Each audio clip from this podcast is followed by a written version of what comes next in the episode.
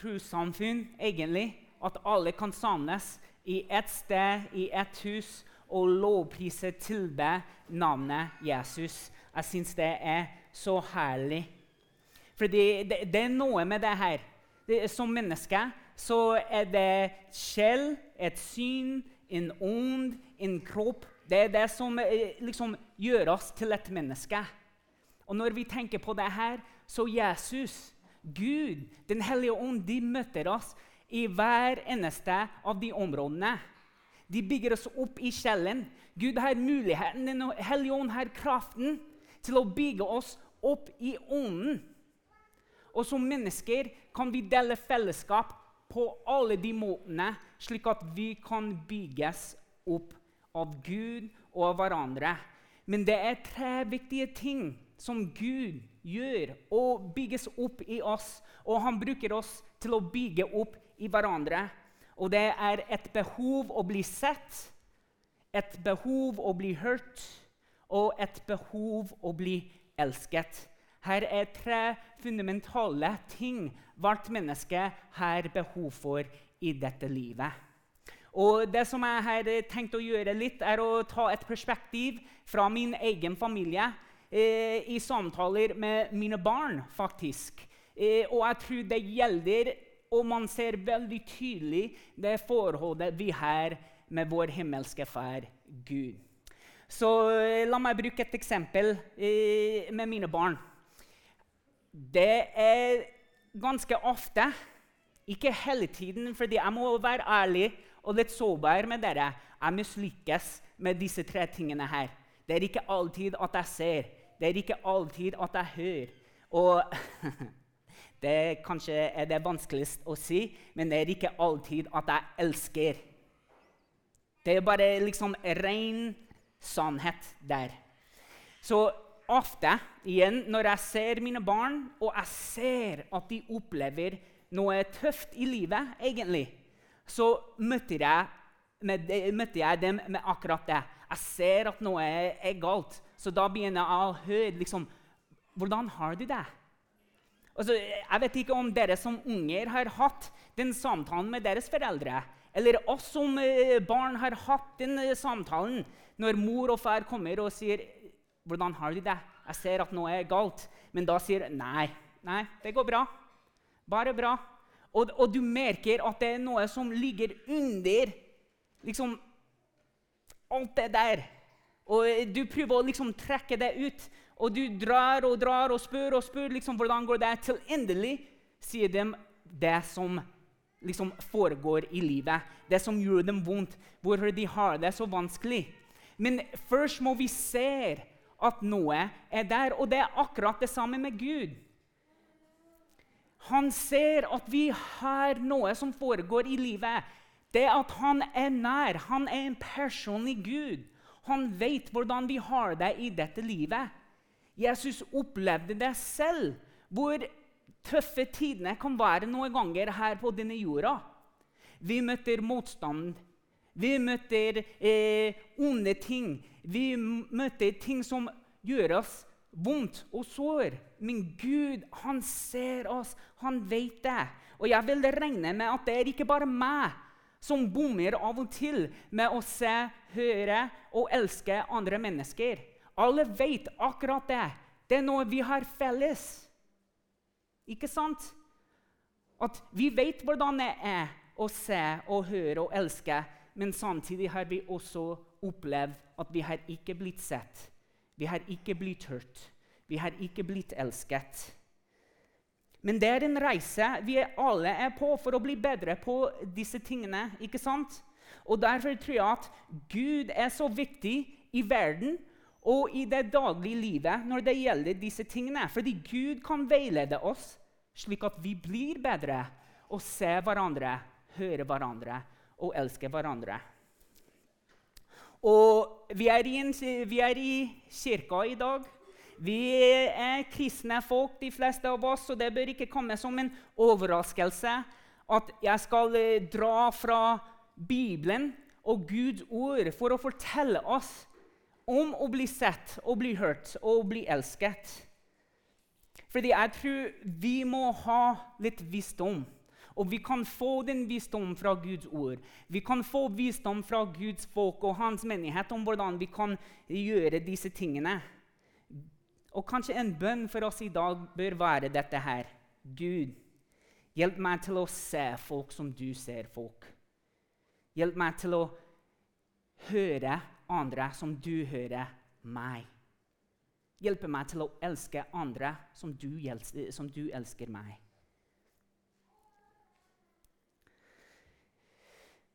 Jeg tror det er noen som trenger å høre det her i dag. Om ikke noe av dere, så er det alltid meg som trenger å høre på mine egne ør. egentlig. Men Gud ser deg. Gud så Adam og Eva, de som var de første menneskene noen gang. Gud, han så Jesus. Jesus så disiplene. Disiplene så kirken, Guds menighet passe på dem. Gud ser oss som mennesker og behovet vi har.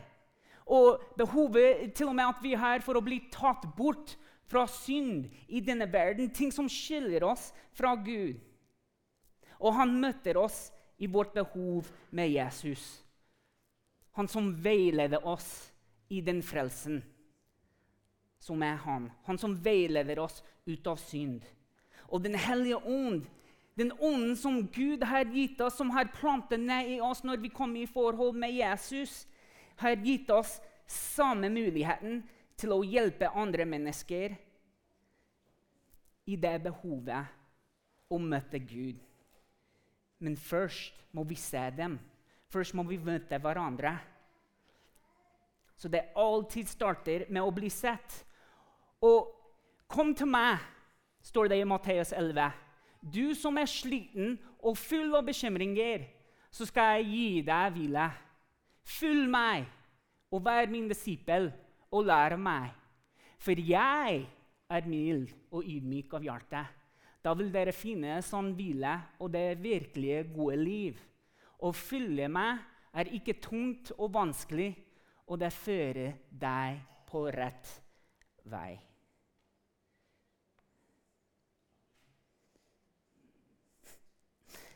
Jesus sier det her til oss i dag. Følg meg.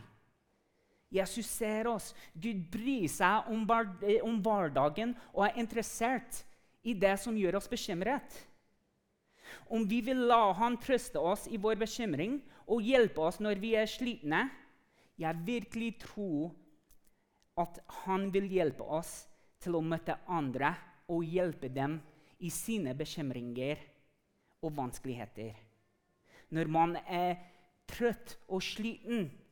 Fordi vi selv har opplevd det, fordi vi vet kilden vi går til for å bli fylt opp, slik at Gud møter oss i våre bekymringer, kan vi også veilede dem og hjelpe dem til å oppdage den samme kilden som vi blir fylt opp av.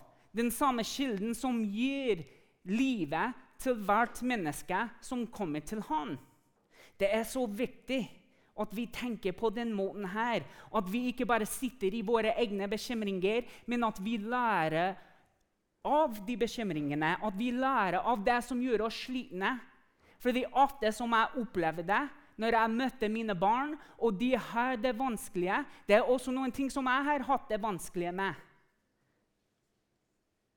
Når de blir sliten, så er det også ting som gjør meg sliten.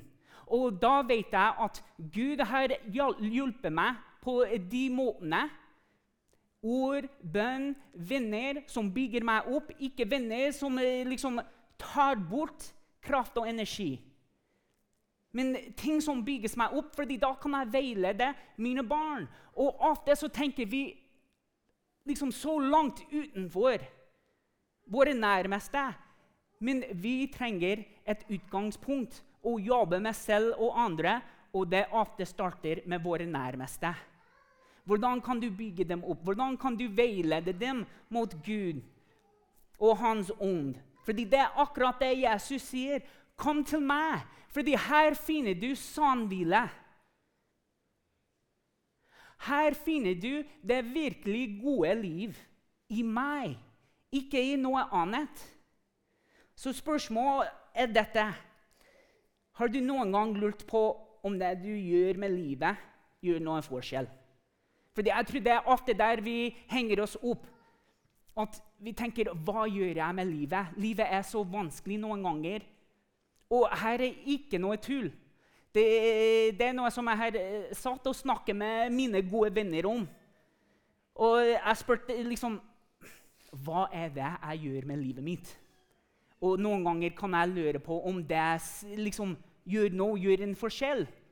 Og det er ikke liksom at jeg er ute og fisker etter noen gode liksom, tilbakemeldinger om hvor flink jeg er, men her er det et viktig, virkelig spørsmål som alle må begynne å tenke over. ikke sant? Hva gjør jeg med dette livet?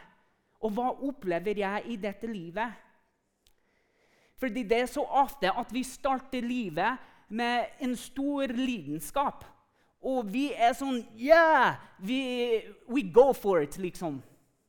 Med jobben, med venner, eh, eh, med kjærlighet, med tjeneste. Alt mulig. Så tenker vi ja, vi startet så bra. Men etterpå så oppdager vi oi, her kommer litt nye ansvar. Her kommer nye prioriteringer. Her kommer eh, ting, eh, litt motstand som jeg var ikke klar for. Og hva skjer? Vi ofte nyr oss. Lidenskap demper seg, og vi lurer på hva skal vi gjøre. Hvordan skal vi fylle oss opp?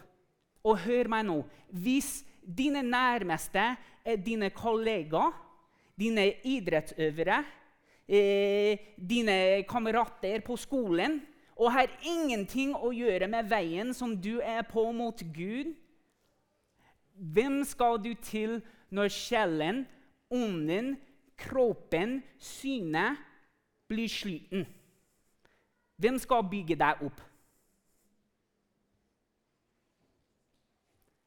Jeg har stor tro på at svaret ligger her. Kom til meg. Jesus sier, 'Kom til meg'. Det er der du møter det gode liv. Det er der at bekymringer begynner å bli mindre. Situasjoner kanskje ikke forsvinner, men bekymringene om hvordan du skal håndtere den situasjonen, blir ikke så tungt lenger. Gud vil at du skal vite at han ser deg, han ser livet ditt, han ser situasjonen din. Han ser ditt store hjerte. Han ser ditt sterke ønske om å bevege deg videre i livet. Han ser at du er sliten. Han vet allerede at jobben er for stor for bare deg. Han vil også at du skal vite at handlingene dine betyr noe, og at du betyr noe for ham. Du er ikke irrelevant. Dine handlinger gjør en forskjell og er indikatorer og bevis på at du er Guds barn. Så ofte etter jeg har sett mine barn og begynner å grave litt inn i hva de opplever i livet Kanskje det er hjemme, kanskje det er på skolen, kanskje det er på et annet område. Men jeg ønsker å høre hva det er. Jeg ser det, nå vil jeg høre det. Det er hvordan vi ønsker å oppleve det i dette livet. Og om vi kan stole på at Gud ser oss, da kan vi også tro på at Gud hører oss når vi snakker til ham. Og jeg regner med at alle har hørt disse ordene. Hørte du det jeg sa? Som foreldre, det er nesten på repeat. Har du hørt det jeg har sagt til deg? Eh, ofte tror jeg at mine barn har hørt det jeg har sagt. Likevel gjør de akkurat motsatt av det jeg har sagt. Eh, det var for eh, forrige uke faktisk, at jeg sa til en av mine barn eh, De var på vei ut av huset for å leke med en kamerat. Og så sa jeg ikke stikk av eh, liksom så langt fra huset, for det er vel ikke lett etter det. Vi skal dra om ikke så lenge eh, til trening. Så sånn, ja, ja, ja, selvfølgelig, selvfølgelig. Og så eh, om ti minutter så går jeg ut for å se om eh, de er på hagen hvor de sa at de skulle være. Nei, de var ikke der. Så da leter jeg etter liksom, foran huset, bak huset, eh, nabohuset. Og så endelig fant jeg dem der i nabohuset. Og så eh, eh, De er på vei ut. Er liksom ganske stressa fordi vi må rekke treningen. Og så eh, spør jeg, bare for å dobbeltsjekke at jeg har sagt det, og de har hørt meg, så sa jeg eh, Husker du det jeg sa til deg om at du skulle ikke stikke av fra huset? liksom, og sånn. Nei, jeg husker ikke hva du sa i det hele tatt, egentlig. Og så tenkte jeg ja, det her er en veldig god illustrasjon om at man tror at de andre hører oss, men egentlig vi må dobbeltsjekke med dem. Så igjen, her er det noe vi kan sammenligne når vi snakker til Gud. Fordi vi, vi kan stole på Tenk på Jesus nå, hvor ofte han dro av gårde for å bruke tid sammen med Gud. Han gjør ikke det eh, uten tanken at Gud hører meg. Han hadde stor eh, tillit. Han stolte helt på at Gud hørte han. Så da tenker jeg problemet er egentlig ikke om Gud hører oss, men om vi hører Gud. Jeg, jeg, jeg tror at ingen av barna mine tviler at jeg hører på dem når de snakker. Men noen ganger tror jeg at de kan lure på om jeg gir svar. Så det er så viktig i dette livet at kommunikasjonen går begge veier. Og hvis jeg er ærlig med meg selv, så det eldre jeg blir, det mer jeg begynner å forstå at Gud han vanligvis snakker på en helt annen måte enn jeg trodde han skulle gjøre det. Og det kan vi lese her i første eh, kongebok 19. Da sa Herren, gå opp på fjellet, still deg opp foran mitt ansikt, så skal du få kjenne meg. Så kom det en kraftig stormvind. Den var så stor og kraftig at den rev fjellene i stykker, men Herren var ikke til stede i den kraftige vinden. Deretter kom det et jordskjelv, men Herren var heller ikke i jordskjelvet. Deretter så Elia flammer, men Herren var heller ikke i flammene. Så kom en svak, hviskende stemme. Straks Elia hørte den, la han kappen foran ansiktet sitt. Så gikk han ut og stilte seg en gang til hulen. Plutselig kom stemmen til ham og sa, 'Hvorfor er du her, Elia?' Elia svarte som sist, 'Jeg vært brennende ivrig for Herren, herskerens Gud.' For Israels barn har sviktet den avtalen de hadde gjort med deg.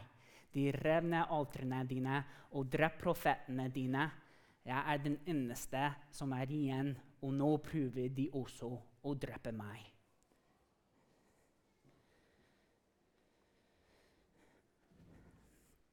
Du ser her, Gud ser Elia og hans situasjon.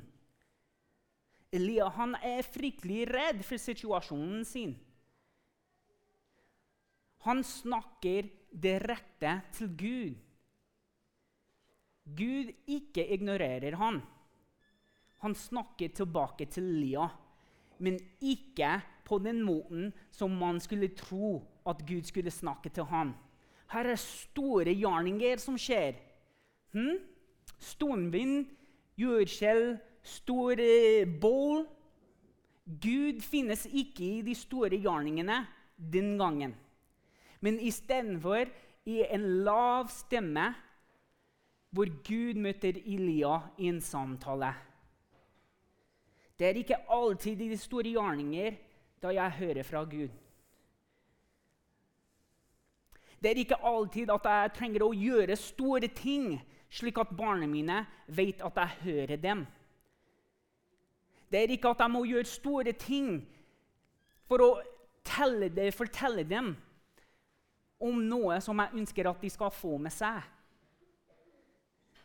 Vi leser i Bibelen at Jesus snakker med Gud. Jesus stolte på at Gud hørte han da han snakket til ham. Vi som Jesus har muligheten til å stole på at Gud hører oss. Men vi må gjøre noe tiltak for å vokse i tilliten at Gud hører.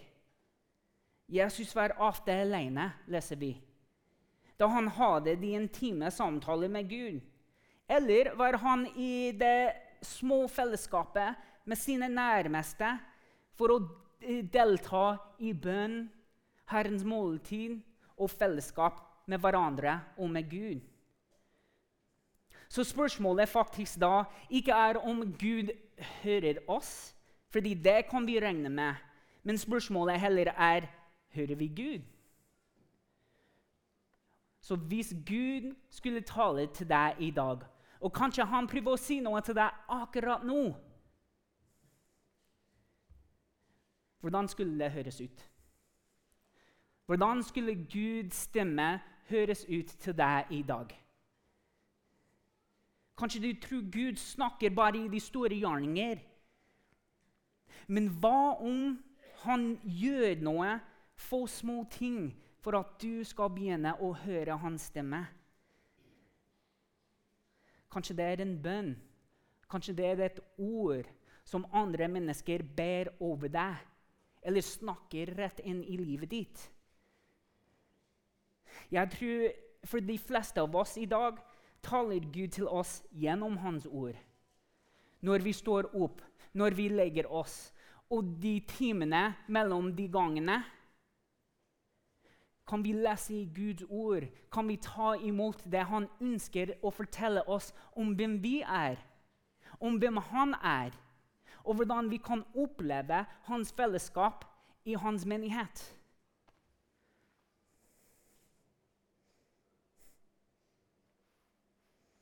Jeg tror også at Gud snakker til oss gjennom kunst, musikk, filmer, andre ting som representerer hvem Gud er. Jeg vet at Gud kan snakke til ulike mennesker på forskjellige måter. Men vi må åpne oss til muligheten at han snakker til oss. Så han hører oss, det vet vi. Så hvorfor er det så ofte at vi føler at vi ikke hører ham. Her er problemet. All støyen i livet stenger ut ofte Guds stemme i livene våre. Vi klarer ikke å stille tankene våre, fordi hver gang vi har et stille minutt, et friminutt, så tar vi frem mobilen og så begynner vi å blade gjennom dagens nyheter, Facebook, Insta, alt mulig. Og hvis det er ikke mobilen, Kanskje det er TV-en. Om det er ikke TV-en, kanskje du er skikkelig opptatt med å trene og du bruker tiden din. Jeg sier ikke at disse tingene er dårlige eller feil, at man gjør det, men man må bli bevist på at de kan stjele stillheten og de minuttene, de timene, de gangene Gud ønsker å snakke det rette til deg.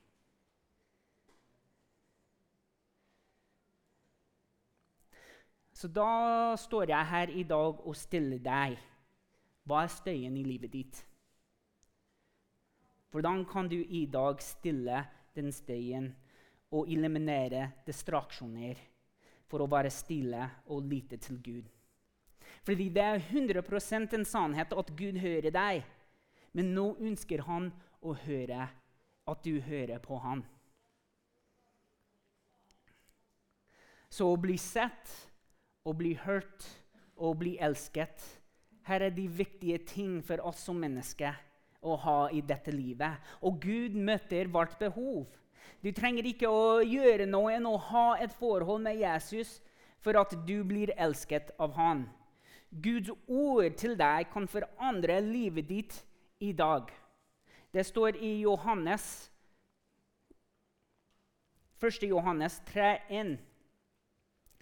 Tenk så stor kjærlighet Far i himmelen her viste oss når vi får kalle oss hans barn. Tenk at vi virkelig er det. De som tilhører denne onde verden, kjenner ikke Gud. Derfor kan de ikke forstå at vi er hans barn. Gud elsker deg. Han har medfølelse for deg. Han ser deg og jobber for å få fred i det forholdet han ønsker å ha sammen med oss. Sannhetene, løftene du får av Gud som hans barn, de er kraftigere og mer oppløftende enn de vi får fra nettet, enn de vi får fra folk som ikke forstår hvem vi tilhører. Guds sannheter, Guds kjærlighet, som du burde snakke om forrige søndag, de forankrer vår sjel. De forankrer synet, kroppen, ånden, i hvem vi er skapt til å være i Jesu navn. De forteller og bekrefter at vi er elsket av Gud. Guds ord er mektige fordi hans ord er det en kjærlighet vi ikke trenger å arbeide for. Og du kan oppleve den kjærligheten på daglig basis. Spesielt hvis du vet at du er Guds barn.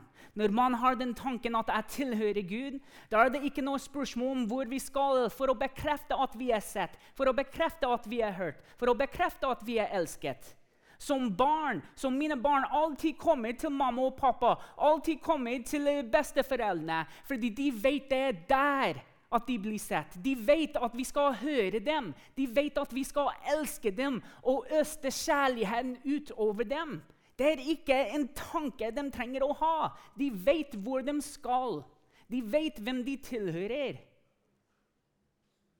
Folkens, Det gjelder akkurat det samme forholdet når man kommer til Jesus.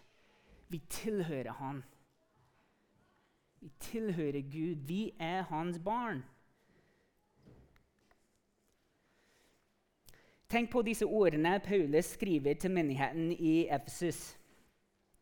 Eh, vi leser i første kapittel 3-6. La oss lovprise Gud, vår Far, Han som også er vår Herre Jesu Kristi Far. Da han ga oss Kristus, ble vi velsignet med de største velsignelsene som fins både i himmelen og på jorden.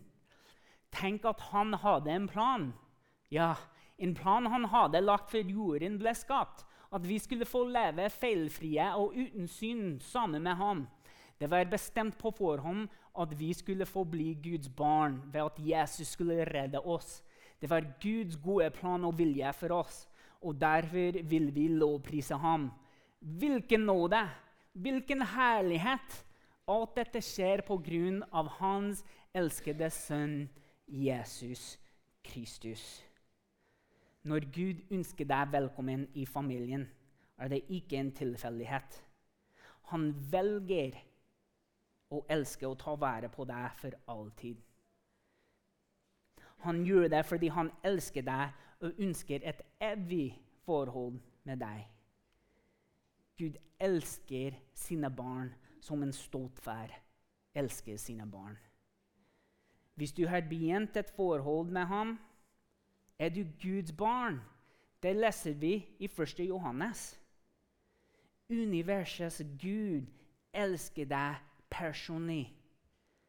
Han kjenner til deg og ditt liv. Han hører deg og vil snakke til deg om alt du opplever i livet ditt.